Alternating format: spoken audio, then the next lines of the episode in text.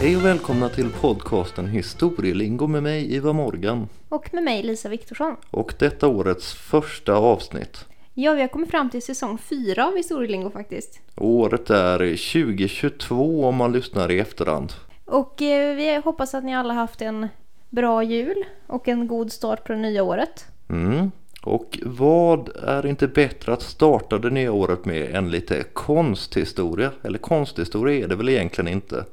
Nej, vi är inte konsthistoriker, Absolut inte. men vi ska försöka oss på ett konstnärsporträtt i alla fall. Mm. Och det är den drömske och trollske John Bauer som ska diskuteras idag. Precis, vi ska dyka ner bland tomtar och troll. Verkligen, vi kör.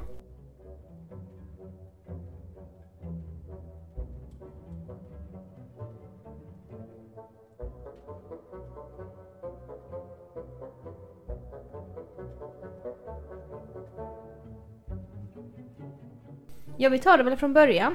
Det är väl passande. Och John Bauer han föddes den 4 juni 1882 i Jönköping, staden som han kom att bli så förknippad med. Ja, och de småländska skogarna dyker ju upp hela tiden i hans konst. Precis, och det kommer vi absolut ha anledning att återkomma till. Och han växer upp i Jönköping med sin familj som består av mamma Emma. Och hon kom från Habo, inte så långt utanför Jönköping. Just det, Mjölnardotter va? Exakt. Och pappa Josef som kom från Tyskland ursprungligen och var charkuterist. Och han hade faktiskt en charkbutik i Jönköping som gick ganska bra. Ja, väldigt bra, vilket vi ska se lite längre fram i avsnittet. Pengar var det ingen brist på. Det var det inte. Och John han växer upp med tre syskon, Ernst, Anna och Hjalmar. Och som du sa, de hade det gott ställt ekonomiskt. De bodde i centrala Jönköping men de hade ett sommarhus en bit utanför Jönköping då på landet och det hette Villa Sjövik. Och du visade mig en bild innan inspelning på det här sommarhuset och det var rejäla doningar kan man säga. Precis, om man är intresserad av hur det ser ut så kan man gå in på Digitalt museum och leta upp det där. Eh, Och det är Jönköpings länsmuseum som har den här bilden. Och ja, det är ett ordentligt hus med ett litet torn och riktig semesterdröm får man väl säga. Ja, mer än semesterdröm, det är, det är ett lyxhus. Ja, absolut jättestort hus. Och eh, familjen tillbringade så mycket tid de bara kunde på Villa Sjövik. Och 1909 så flyttade de faktiskt dit permanent. Ja, okej. Men den som räknar lite snabbt då inser att John var ju vuxen vid den tidpunkten då. Ja, han det var- var ju föräldrarna som flyttade dit. Precis, John var 27 år. Men han var väldigt förtjust i Villa Sjövik och återvände dit hela livet. Och eh, han hade även en ateljé på övervåningen i, i villan. Ja, spännande. Huset finns inte kvar idag. Det revs på ja, mitten av 1900-talet. Men i övrigt så är det inte så jättemycket att tillägga om John Bauers uppväxt. Ganska liksom för tiden normal borgerlig uppväxt. Ja, den tycks varit ganska fridfull och lugn Ja, och eh, välbärgad. Så han hade ju lite silversked i munnen när han kom ut i livet sen. Och det gjorde han ganska tidigt. Redan som 16-åring så flyttade han till Stockholm där han började på något som kallades Tekniska skolan. mm. och det är väl det som idag heter Konstfack va? Precis, det hade börjat redan på mitten av 1800-talet för att då var det en slöjdskola. 1879 så blev det det här tekniska skolan där han gick och 1945 så blev det konstfackskolan. Mm. Och 1993 det fick det namnet Konstfack. Och det här är en väldigt känd skola. Ja, en, en med hög status. Och jag var inne och såg en lista på lite alumner som har gått där. Till exempel eh, Tove Jansson, Carl Milles. Gick inte Märta Mås Fjätterström där också? Jo, det gjorde hon. Och sen så, Väv, vävkonstnären. Precis. Och sen så har vi till exempel Carl Johan De Geer.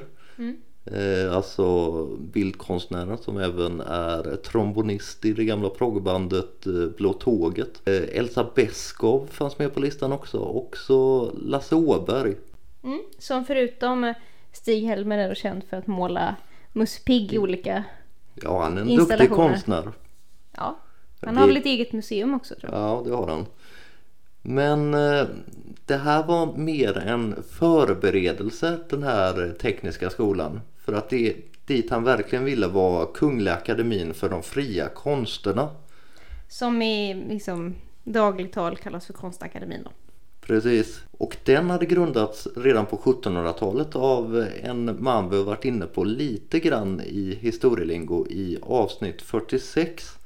Carl Gustav Tessin, eh, det vill säga arkitekten som eh, målade, eller ritade säger man väl, Stockholms slott. Precis, och avsnitt 46 handlar ju om branden av slottet Tre Kronor då, som ju var föregångaren till nuvarande Stockholms slott. Precis, och eh, Tessin behövde då folk som kunde hjälpa honom att rita och då instiftade han det här som senare skulle bli Kungliga Akademin för de fria konsterna. Och Bauer hade försökt komma in på den här skolan flera gånger men år 1900 var det hans tur och han lyckades ta sig in för att det var inte så många som fick gå på den här skolan. Det var verkligen crème de la crème kan man säga. Mm. Och eh, det var en väldig fest när han lyckades ta sig in. Han gick med sina polare på Berns salonger så redan där har vi en indicie om att pengar kanske inte var så stort problem i John Bauers liv när han som student kunde ta med sig alla sina kompisar på Berns salonger. Nej. Och eh, det gick ju ett dussintal elever på den här skolan. Tanken var att de skulle bli professionella konstnärer. Och framtiden var liksom ljus om man lyckades ta sig in på den här skolan. Ja, det var ju nästan en garanti för att man skulle lyckas som konstnär. I alla fall i Sverige då. Ungefär som idag om man går på eh, Dramatens scenskola så om man väl har lyckats ta sig in där så går det ofta ganska bra när man väl kommer ut ur skolan. Ja, för de allra flesta i alla fall. Ja. Som lärare på den här skolan hade han eh, konstnären Gustav Cederström. Mm. Han känner vi till. Ja, han är ju framförallt förknippad med ett verk. Ett väldigt stort verk som hänger på Göteborgs stadsmuseum. Ja, och även i Stockholm. Ja, precis. Det finns två upplagor av den och det är Karl XIIs likfärd. Ja, han var en sån här historiemålare som målade mycket karoliner. Han målade många porträtt av Magnus Stenbock. Han har målat Ansgar och så vidare. Mm. Det, det var liksom hans grej. Jag hittade ett litet eh, roligt citat angående Karl XIIs likfärd som han har sagt. Okej, låt höra. Och det eh, handlar om hur han försvarar sig för att det, den där tavlan kanske inte är helt realistisk. Nej, den är nog inte det. Och då ska Cederström ha sagt så här någon gång i början av 1900-talet. Ej bars Karl XII obetäckt över gränsen. Men har det stött någon människa att, att jag har framställt honom så? Absolut lögn bör man akta sig för. Men en väl vad licentia poetica måste vara tillåten. Licentia poetica är då konstnärlig frihet. Ja, det, de här, generellt de här 1800-talsmålningarna över svenska kungar. Där har man ju använt väldigt mycket konstnärlig frihet. Ja. Som vi har varit inne på tidigare också. Det var nog ganska mycket licentia poetica som eh, trycktes in där överallt. Och Bauer han kom inte så bra överens med den här Cederström. För Cederström var ganska strikt och konservativ. Ja, precis. Och ville väl att man skulle lära sig konstnärskapet som ett hantverk och med olika tekniker och sådär. Och Jan Bauer ville väl mest måla sina troll, eller? Ja, precis. Dessutom var Jan Bauer en ganska lat elev. Han eh, hade väldigt lätt för sig. Han var en total naturbegåvning. Mm. Vilket gjorde att han kanske inte arbetade så hårt som han borde ha gjort. Nej. Men duktig blev han ju i alla fall. Dessutom den här utbildningen och eh, Cederström och eh, ja, folket i toppen av den här utbildningen de gillade inte moderna influenser heller. Nej. Utan de var väldigt fast i det här historiemåleriet. Det kan man väl säga om man jämför då Cederström och John Bauers konstnärskap så är det ju otroligt olika typer av konst. Det är väldigt långt ifrån John Bauers liksom eh, trollska eh, småländska skogar och de här pampiga kungaporträtten som Cederström och kompani höll på med. Ja, verkligen. Det är nästan två vitt skilda saker. Däremot så Bauer tog med sig lite grejer ändå av det här historiemåleriet. Till exempel så blev han ganska intresserad av den historiska estetiken eller vad man ska säga. Framförallt historiska kläder vilket han kunde inkorporera senare i sitt eget konstnärskap när han målade prinsar och prinsessor och så vidare. Mm. Ja, han målar ju på sitt sätt kungligheter också. Fast kanske inte riktigt från den här världen. Nej, precis. Eh, dessutom så hade Bauer ja, stundom depressioner. Han tycks ha varit ganska ångestriden vid tillfällen. Och det här gjorde att han började liksom lite tvivla på sig själv. Så några år inne i utbildningen så började han fundera på kanske det är dags att hoppa av det här. Mm. Han var väl väldigt kritisk till om det han själv producerade dög helt enkelt. Ja, Som, precis. som, som så många givetvis har problem med. Cederström däremot eh, som eh, som sagt hade lite, lite konflikt med Bauer vill ändå att Bauer skulle gå kvar för han såg att det här är en ung man med mycket potential. Så Cederström skickar ett brev till Bauers far där han liksom skriver att eh, kan inte Bauer gå kvar för han kan verkligen bli någonting. Och där får Bauers far tysken att eh, övertala Bauer att gå kvar en femårig utbildning vilket han också gör. Men här på den här skolan så händer det även någonting annat väldigt omtumlande i Bauers liv. För eh, det är här han träffar sin fru som också är konstnär. Precis, så det var tur han stannade kvar i konstakademin.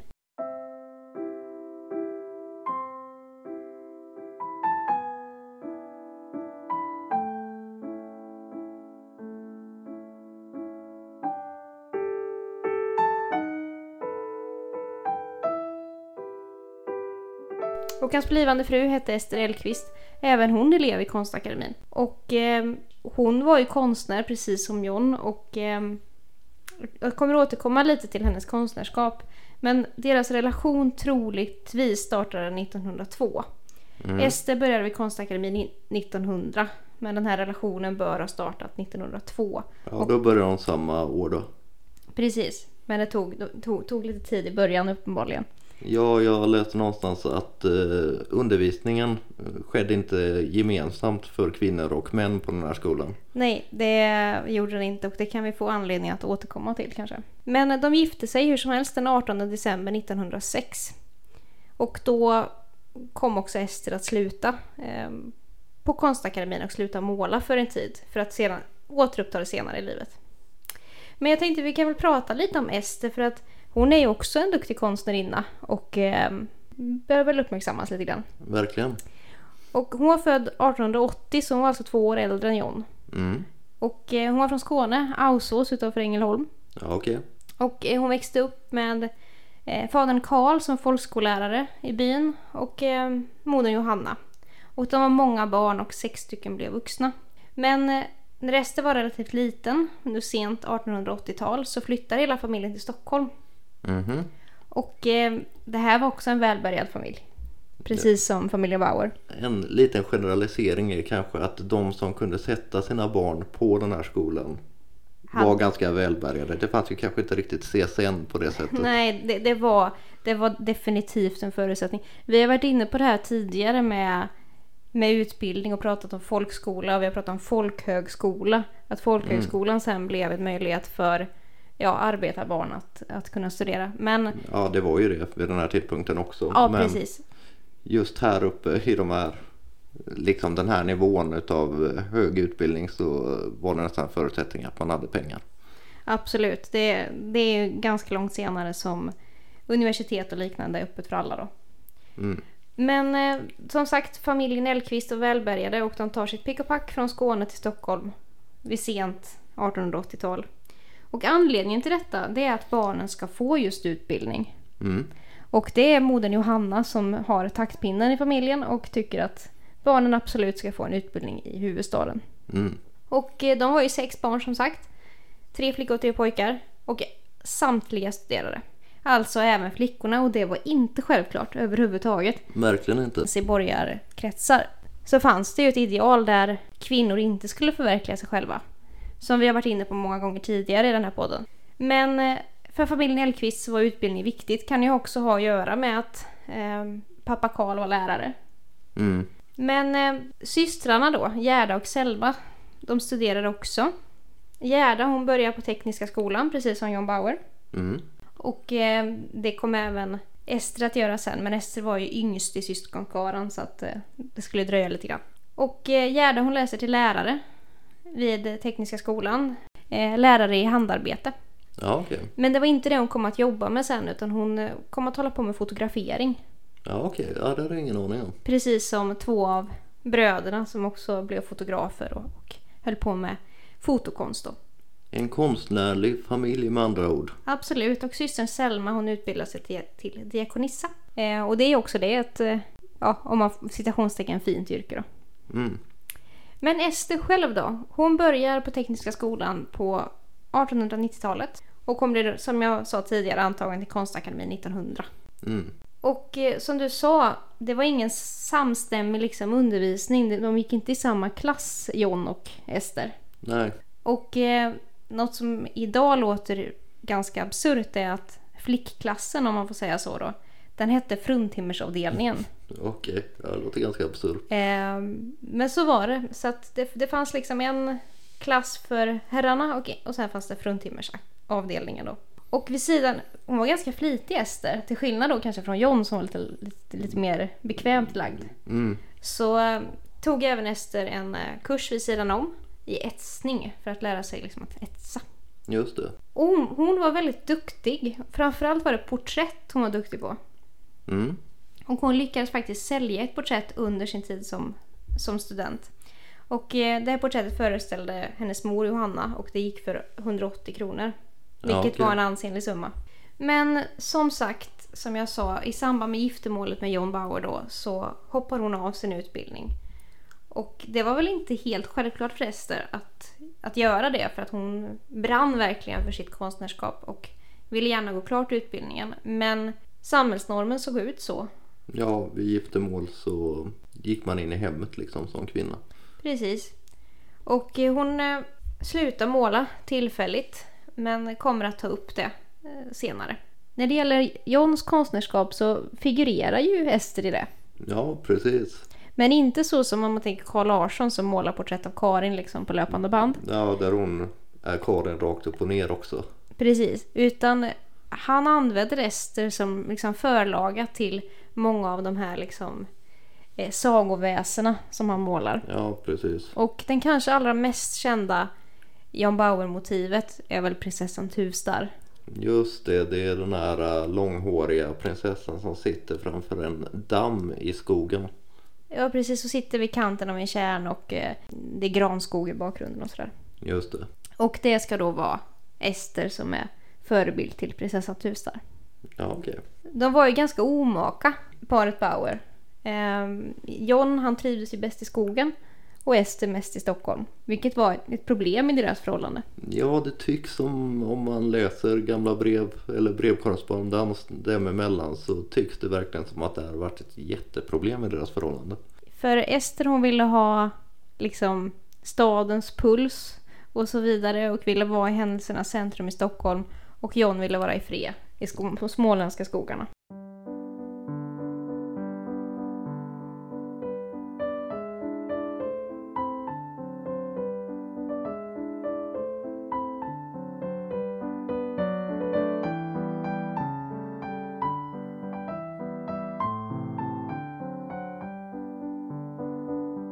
Konstnärer på den här tiden gjorde ju ofta sådana här inspirationsresor. Ofta ner på kontinenten men eh, John han gör faktiskt en resa i Sverige 1905 som skulle bli viktig för honom. Och han reser till Lappland och det är på uppdrag av förläggaren Carl Anton Viktor Lundholm. Som ska göra då ett liksom mastodontverk, alltså en bok, ett bokverk om Lappland.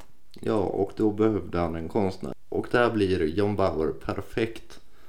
Precis, för han är ju liksom redan ett namn inom liksom naturmåleri och naturteckning. Men och han tar ju mycket foton under den här resan. Mm. John Bauer som han sen då kan i ateljén måla av. Ja och en sak som han tar med sig är framförallt varg och renskinn som man har sett där uppe. Och det inkorporerar han i sina egna trolls klädesdräkter. Ja, jag tror många när man tänker på John Bauer så ser man de här skogstrollen framför sig som har just en sån här vargfäll över axlarna. Ja, och det är ju stora bastanta troll liksom. Ja, Som eh, står där med, med pälskläder.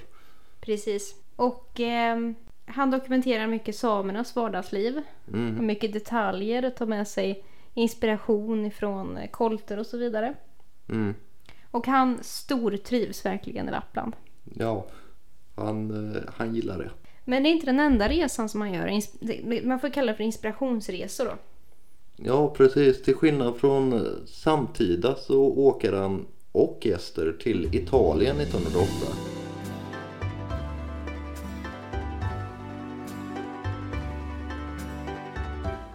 Annars var det ju Paris som var det stora kulturmeckat.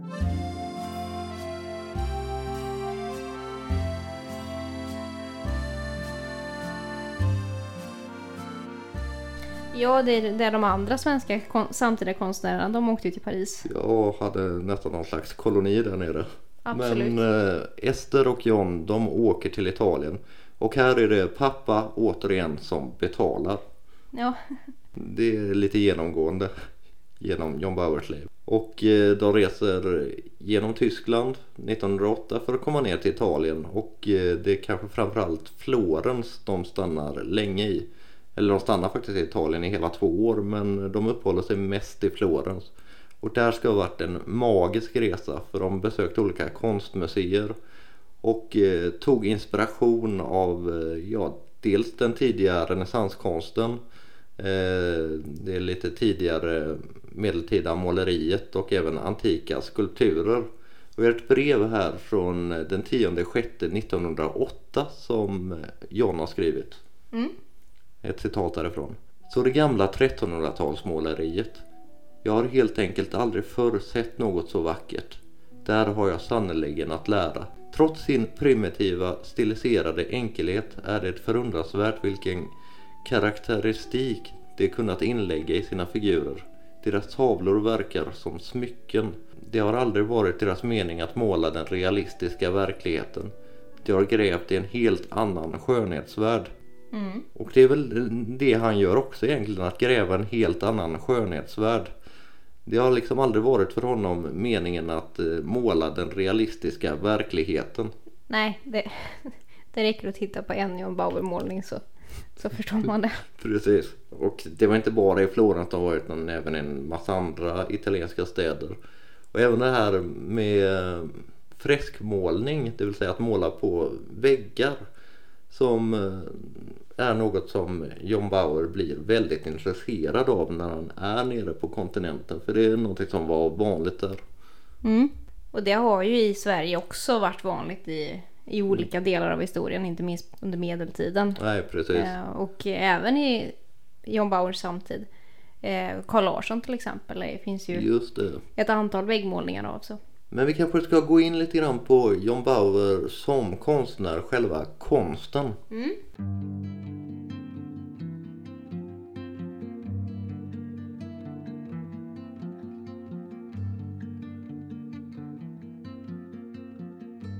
Nu har vi ju nämnt trollen ett antal gånger redan.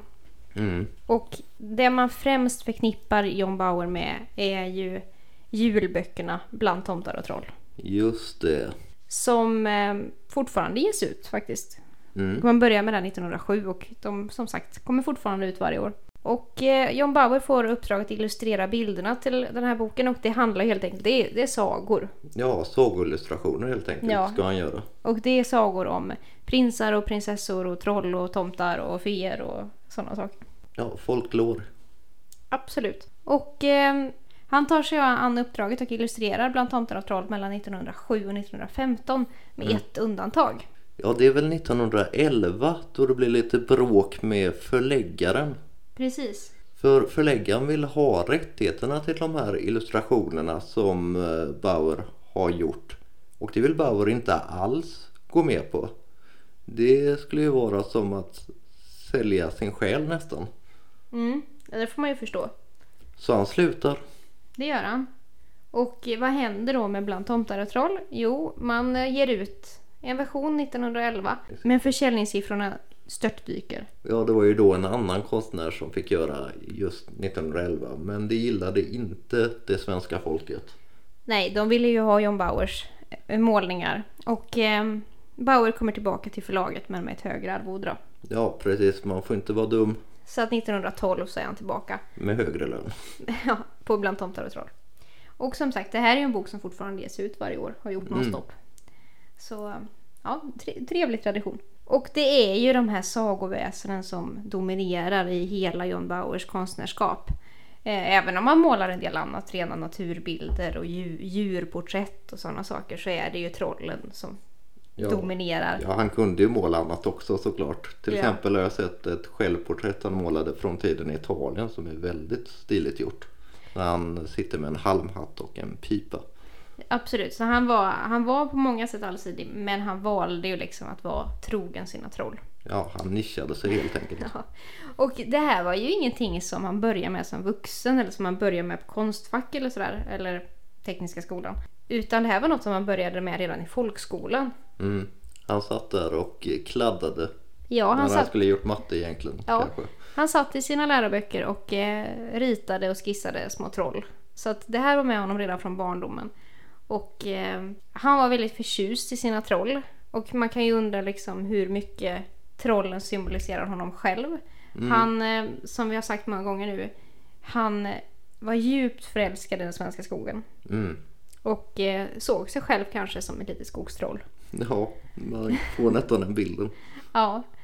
Och eh, trollen är ju, de är ju snälla, det är ju vänliga troll. Det här är ju inga, det är ingen skrämselpropaganda på något sätt. Utan det, det här är ju snälla troll och tomtar som finns i John Bauers målningar. Ja, precis. Och så vidare. Men man kan se drag av hans depressioner även i trollbilderna. Eh, de lite mörkare eh, liksom, skildringarna av de här trollen. Där trollen inte ser ut att må så jättebra. Kan ju vara en symbol för honom själv möjligen. Fast det vet vi inte. En annan sak man kan se i verken så att säga är ju teaterintresset.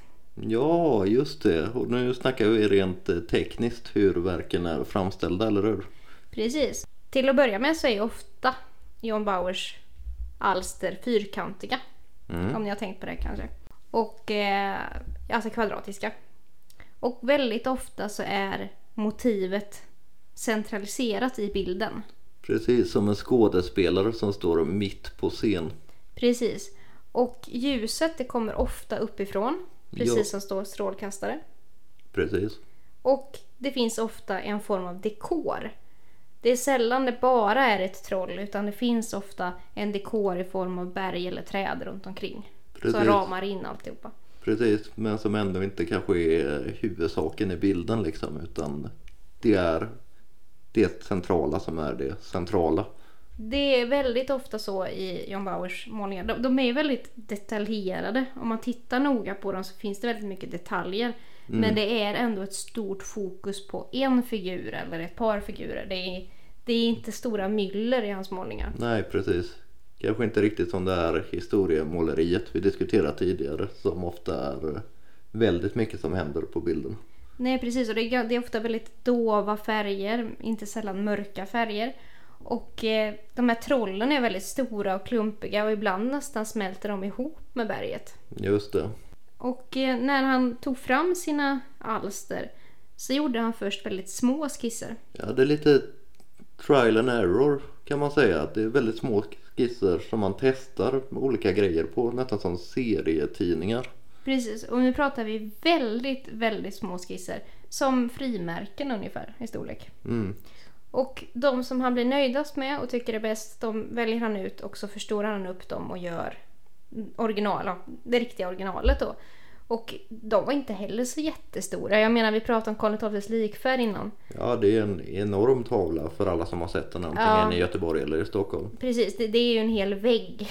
Ja, Vi pratar om, jag, jag vågar inte säga hur många meter, kvadratmeter den är, men man känner sig väldigt, väldigt liten när man står bredvid den tavlan. i alla fall i Göteborg så hänger den här tavlan i ett ganska litet rum också vilket gör att det blir lite svårt att få en överblick över hela tavlan. Ja, man måste backa ganska långt. Ja, och rummet är nästan inte tillräckligt stort för att man ska kunna backa tillräckligt långt. I alla fall min upplevelse när jag varit och kollat på den ett antal gånger. Ja, jo, så, så, så kan det vara.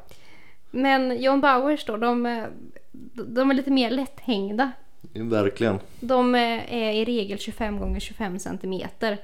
Och eh, vi snackar ju då, nu är det ju kvadratiskt då, men det är ungefär som en A4 i storlek. Ja, inte jättestora helt enkelt. Nej.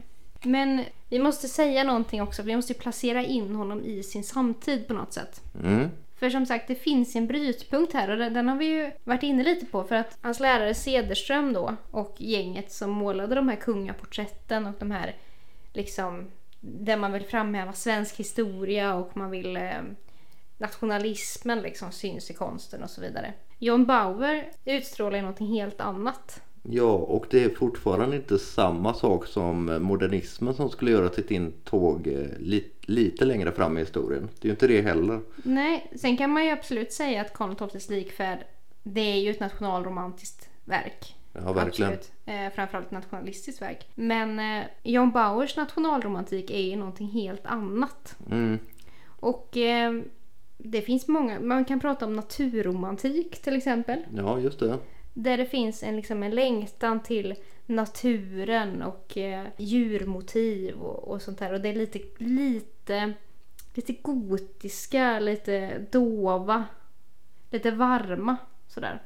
Ja, vi kan ju dra en linje hela vägen ifrån eh, romantiken som rörelse i stort till nationalromantiken och John Bauer.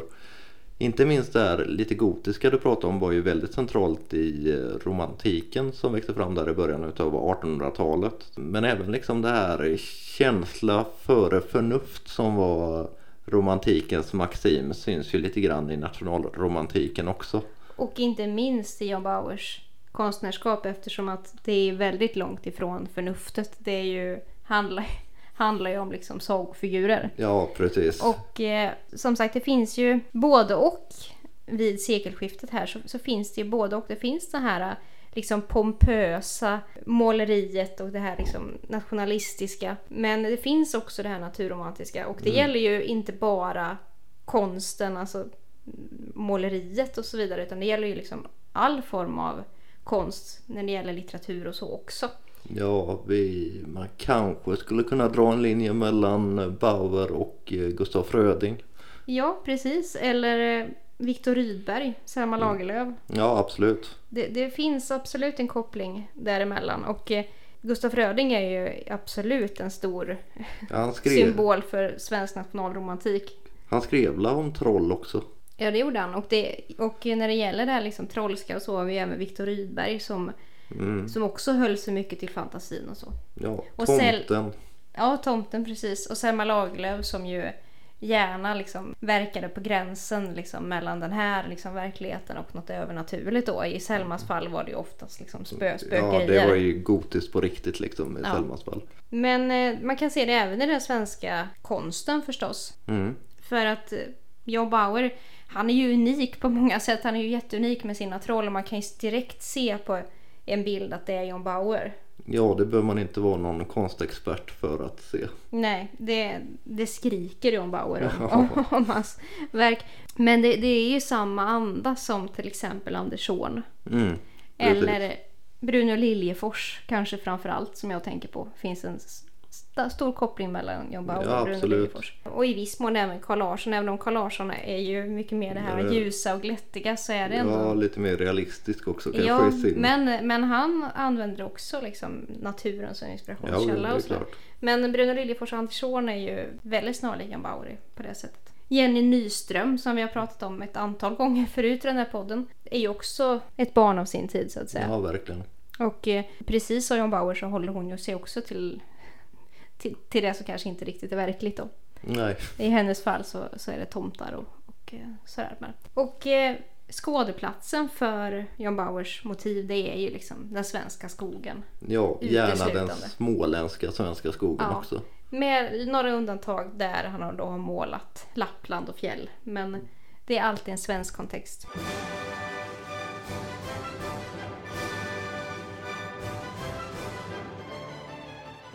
Men om vi lämnar konsten en stund och fortsätter på det biografiska spåret så kommer de ju hem från Italien efter två år. Mm. Och då är det väl lite sådär oklart vart de ska bo eftersom att makarna har lite olika uppfattning. Ja, och det tycks som att det är Johns linje som vinner för de hyr ett hus lite söder om Gränna som kallas Villa Björkudden och bor där heltid mellan 1910 och 1911.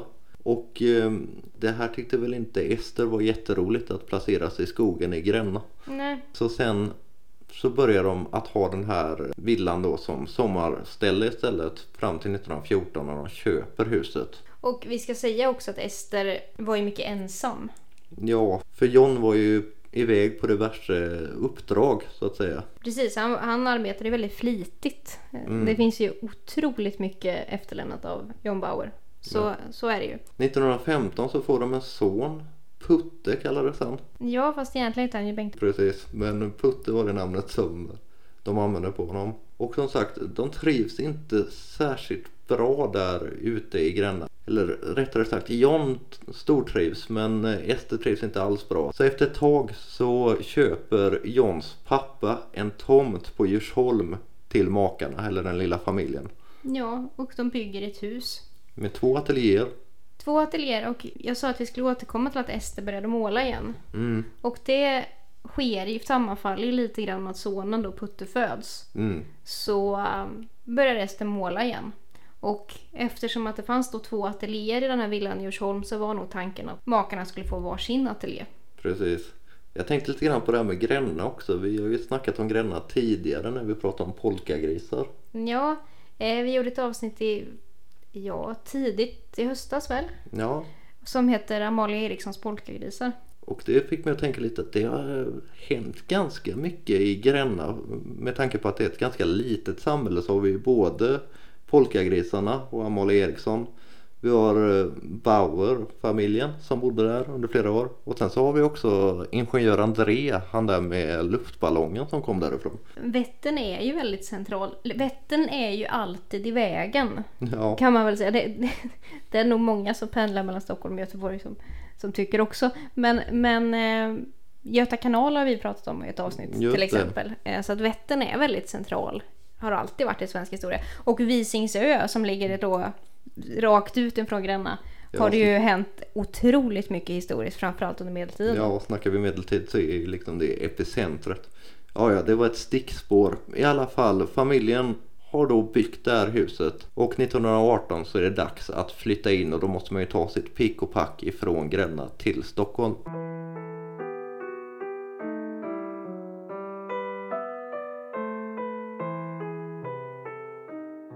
På kvällen den 19 november 1918 går familjen Bauer ombord på ångaren SS Per Brahe i Gränna hamn. Precis, och den ska väl ta dem via Göta kanal till Stockholm. Precis, Det är tanken i alla fall. det är tanken och de har med sig då, ja, i alla fall en del av flyttlasset då till den här nya, nya villan som väntar på dem i Djursholm. Och eh, det var inte meningen att man skulle åka båt. Nej, Man skulle egentligen åka tåg. Men eh, ett litet tag innan den här avfärden så sker en svår tågolycka i närheten. Och makarna Bauer blir helt enkelt skrämda av den här olyckan och väljer att åka båt istället för att det framstår som ett säkrare alternativ. ja, så här i retrospekt så är det ju ganska sorgligt. Det är det definitivt. Och det finns ett problem med frakt på Göta kanal. Mhm, Och det är att rederierna väldigt ofta överlastar. ja okej. Det finns ju lagar och regler på hur du får lasta och hur mycket du får lasta. Det fanns det då och då finns, det finns det fortfarande. Ja, självklart. Och eh, man tummade väl ibland lite väl mycket på de här reglerna. Och året innan, alltså sommaren 1917, så lastar man så hårt i hamnen i Gränna att fartyget inte kan avresa. Ja, okej. Av den enkla anledningen att det är ganska grunt. Och man står helt enkelt i dyn på botten Ja, för att den är så tungt Och nu pratar vi om samma fartyg som de Samma fartyg, ja alltså precis. Per Brahe. Och Per Brahe är inte unikt i det här utan det här är ett stort problem för, för Göta kanaltrafiken överlag. Mm. Jag vet inte om vi var inne på det i Göta kanalavsnittet men, men så var det i alla fall. Och eh, den här kvällen så lastar man också så mycket man bara får plats med, så mycket man orkar. Det är, förutom då flyttlass som bara var en liten bråkdel av den här lasten så var det mycket frukt och fruktmos. Mm. Och även symaskiner va? Huskvarna ligger ju i närheten. Precis, men inte bara symaskiner, även spisar och plogar. Mm. Och, och Husqvarna-fabriken låg ju inte så långt ifrån Gränna. Och eh, det var väl också en anledning till att man just överlastade i Gränna mycket. För att man ville få med så mycket Husqvarna-produkter som möjligt förstås. Just det. Och på det så skulle ett, eh, delar av ett flyttlass också på båten. Exakt. Och eh, förutom alla dessa prylar så finns det 24 personer ombord med besättningen inräknad. Och eh, vid 23-tiden på kvällen så går man ifrån Gränna. Och nästa stopp på vägen ska vara Hästholmen som ligger då en liten bit från Gränna. Ja, i Vättern också. Precis vid Vätterstrand norr om Gränna. Och eh, man kommer aldrig till Hästholmen. De, de dyker inte upp där. Nej. De är väntade. Och dagen efter då flyter det upp diverse attiraljer ifrån fartyget. Och man förstår ju då att man har förlist. Mm. Och man börjar dragga några dagar efter olyckan. Och man hittar fartyget men man klarar inte av att bärga det. Utan det dröjer faktiskt fyra år till 1922 innan man bärgar far- fartyget då, SSP Brahe. Just det, och då lyckas man väl identifiera passagerarna ombord också. Däribland hela familjen eh, Bauer. Precis, det gör man. Man identifierar John och Ester och lilla Putte och de begravs på Östra kyrkogården i Jönköping. Och man kan även liksom fastslå hur olyckan har skett. Ja, okej. Det är en klassisk lastförskjutning. Att lasten då, den här tunga, tunga lasten, tänkte liksom järnspisar och symaskiner och stora frukttunnor som inte fastsurrar ordentligt. Ja, okej. Och man har drabbats av en storm. Det visste man ju från början att det hade varit storm den natten. Och eh, man rullar ganska mycket, får förskjutning och fartyget kantrar helt enkelt. Ja, okej. Och när man bärgar SSP Brahe så är det ett stort mediapådrag. Och eh, det görs till och med en journalfilm som visas på biografer. Ja, okej. Det säger väl någonting om Bauers eh, popularitet. Ja, jag vet, jag vet inte om vi ska ge John Bauer credden för, bara för det här utan jag tror det var spektakulärt ändå med en bärgning. Och om man ser andra bärgningar som har gjorts av andra vrak så brukar det vara ganska stort mediepådrag. Eh, inte minst Vasaskeppet naturligtvis. Nej, just det. Nu, nu fanns det ju en historisk aspekt i det naturligtvis som det inte gjorde här eftersom att det här skedde bara fyra år efter förlisningen. Men eh, det räcker inte med journalfilm utan man åker även på en turné där man då boxerar Per Brahe längs Göta kanal och gör stopp då i städerna längs Göta kanal så folk får komma och titta. Ja, okej. Och sen repareras fartyget och kom att byta namn och hemmahamn väldigt många gånger. Och eh, ja, är faktiskt i bruk fram till 1959 Ja, okej. då eh, hon huggs upp i Finland och där slutar historien om Per Brahe. Så att eh, från att ha legat då fyra år på Vätterns botten så, så är hon sen i trafik då i dryga 30 år. Ja, okej. Väldigt märkligt. Ja, det är ganska märkligt. Men tillbaka till John Bauer kanske. Mm. Det här är ju ett av de mest tragiska ödena i svensk konsthistoria skulle jag säga. Verkligen, varken han, Ester eller Putte blev ju särskilt gamla. Ester blev 38, John 36 och Putte 3. Mm. Så det är otroligt tragiskt. Men eh, John Bauer har ju någonstans ändå under sin väldigt korta karriär så var han väldigt produktiv. Verkligen. Så vi kan ju bara tänka oss hur mycket det hade funnits ifall han hade fått leva vidare. Ja, verkligen. Och han lyckades ju verkligen sätta ett avtryck med sina troll framförallt kanske. För det, På den svenska konsthistorien. för det, är, ju, det är ju flera generationer svenska barn som har växt upp med bland tomtar och troll. Mm. Och det görs ju ständigt nytryck fortfarande. Ja, jag vet Ikea hade för några år sedan eh, canvastavlor med Jan Bauer man kunde köpa. Ja, och eh, det görs posters och det, det finns allt möjligt. Och eh, böcker som kommer i nytryck. Och, och, så att han är ju alltjämt liksom en känd figur i svensk kulturhistoria. Och inte bara i Sverige, han är ganska internationellt känd också. Mm. Ska vi säga. Och eh, hans namn används ju ganska flitigt inom ja, näringslivet. Det finns ju liksom skolor och hotell och sånt där som är döpt efter honom. Mm. Och utställningar, han finns ju representerad vid nästan alla svenska konstmuseer. Självklart. Och inte minst då Jönköpings läns museum som har liksom de stora samlingarna med John Bauer original. Och eh, John Bauer själv finns ju faktiskt som bronsbyst vid porträttsamlingen på Gripsholms slott. Ja, okej. Ja, det hade jag ingen aning om. Jag har varit där några gånger och sett porträttsamlingen men jag har inte tänkt på att Jan Bauer finns där. Det finns ganska många porträtt där Det, det finns ju väldigt många Man kan inte porträtt. komma ihåg alla. Men han står där som bronsbyst i alla fall. Så att eftermälet är ju...